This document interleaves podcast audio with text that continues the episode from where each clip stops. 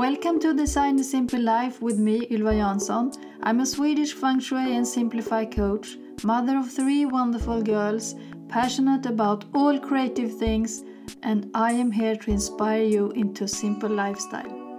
A simplistic life could be in so many different ways, and it's also very individual. If you have listened to me for a while, you probably also know that I really like the simplistic style. And I think the best thing is to don't complicate things. There are always simple solutions for everything, and the key is just to find them.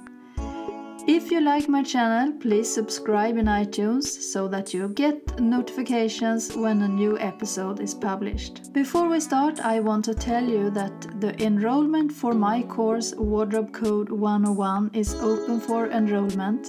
That course will help you declutter your wardrobe and find your personal style. I also have a module packed with knowledge of how to organize and store your clothes in a simple and beautiful way, and so much more. Head on over to my website www.ylvamariadesign.se forward slash wardrobe code 101 and read more. I will add the link in the description so you can find it easily.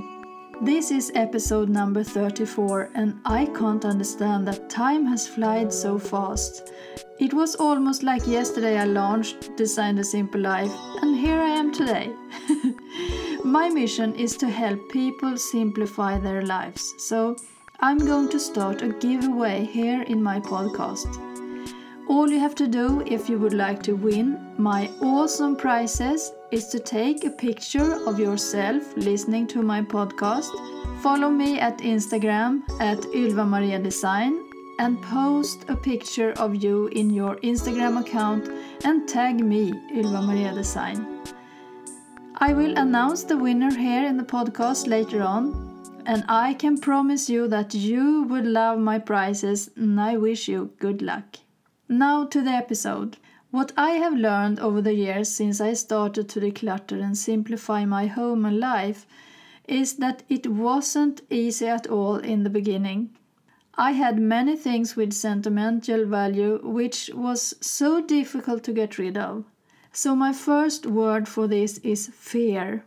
We are so attached to things in our homes and we have fear about letting them go because it reminds us about something. It could be both positive and negative thoughts. We start with the things that give you negative thoughts. Imagine that you only had that kind of things in your home. I think that you could imagine the feeling of going around in your home and see all of those things which reminds you about all sad and depressing things that has happened before. You will just be depressed and sad when you're looking around in your home. So, what to do instead? I'm all about simplicity and to avoid to be overwhelmed. The only thing to do is to go through all of that kind of things you have. Take one thing at a time and hold it in your hand. Maybe you're going to cry a little bit or find yourself sitting in deep thoughts which reminds you about what's attached to that special thing you hold in your hand. It's okay to do that, my friend, but my advice is to try to not to be too sentimental. It's not going to help you in your decluttering process. Instead, take all that kind of things and put them aside on a table or so. Take them all to your table and then take all things in your hand one at a time. Decide what to do. Are you ready to let it go? That has to be your decision, but when you let sentimental things go, you will release many emotions and you will feel so much more free afterwards.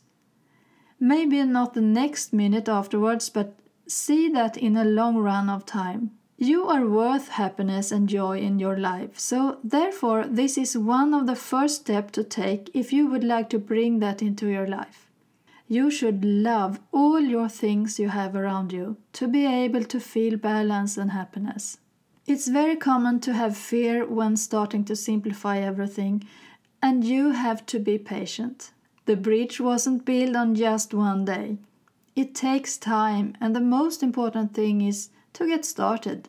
How to do is up to you if you would like to take one room at a time or if you would like to declutter your things in categories.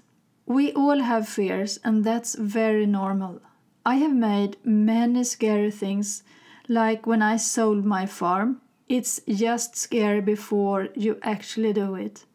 Afterwards, it's just a big relief. Sometimes we have to take difficult decisions in our lives, and that's how life is. I have had so much fear in my life, and I can see now, after I have decluttered and simplified my life much more than before, that I have got more self confidence and trust, and I think that's wonderful. The next thing I would like to talk about is overwhelm. Do you have that feeling when you think about how to get started to simplify your home and life? Where to start and how? I can tell you that you're far from alone with that feeling. There are so many people who have too much stuff, and all that stuff just give overwhelming thoughts and a feeling of depression. I know that because I have been there too.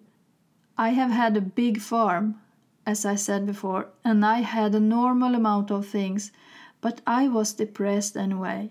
It was too much things that I didn't love anymore, and I think it's very important to love all your things you have. Imagine that you get dressed in the morning with clothes that don't either fit you well and you don't like them. That's not a positive feeling. So love all your things and get rid of all other stuff you have.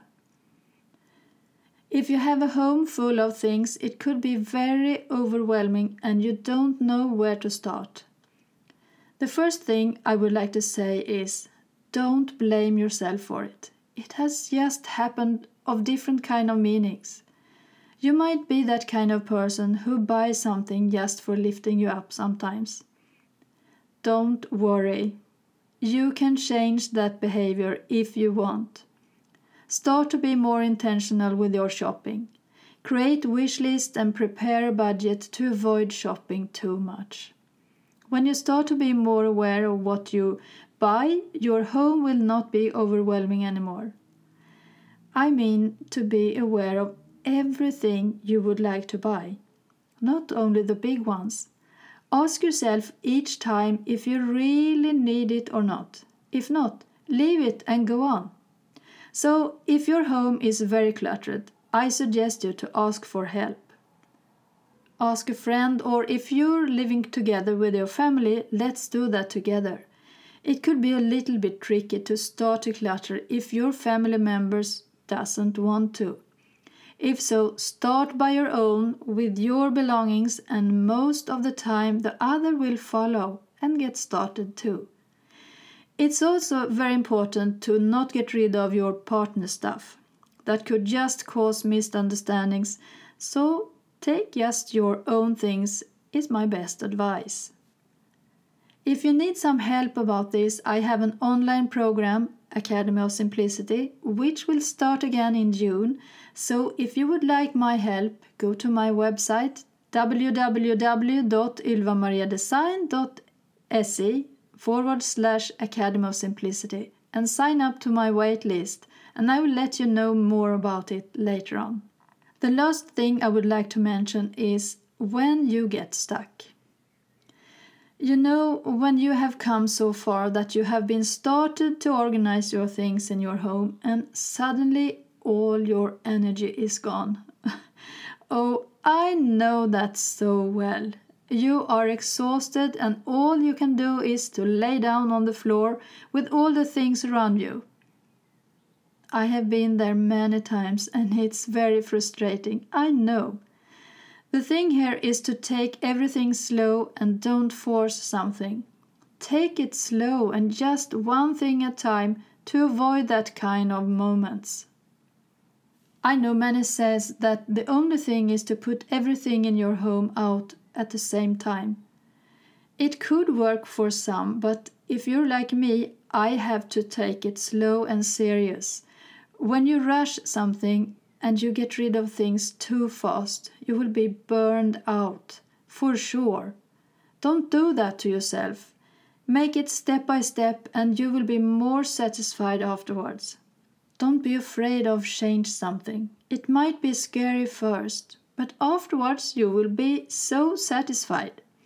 Everything happens on a purpose, and like Rumi said, when you start walk on your way, the way will appear.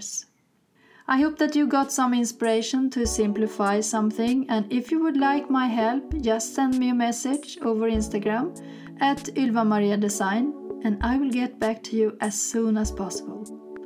Don't forget to post a picture of yourself and tag me on Instagram to be able to win my awesome prizes in the monthly giveaway.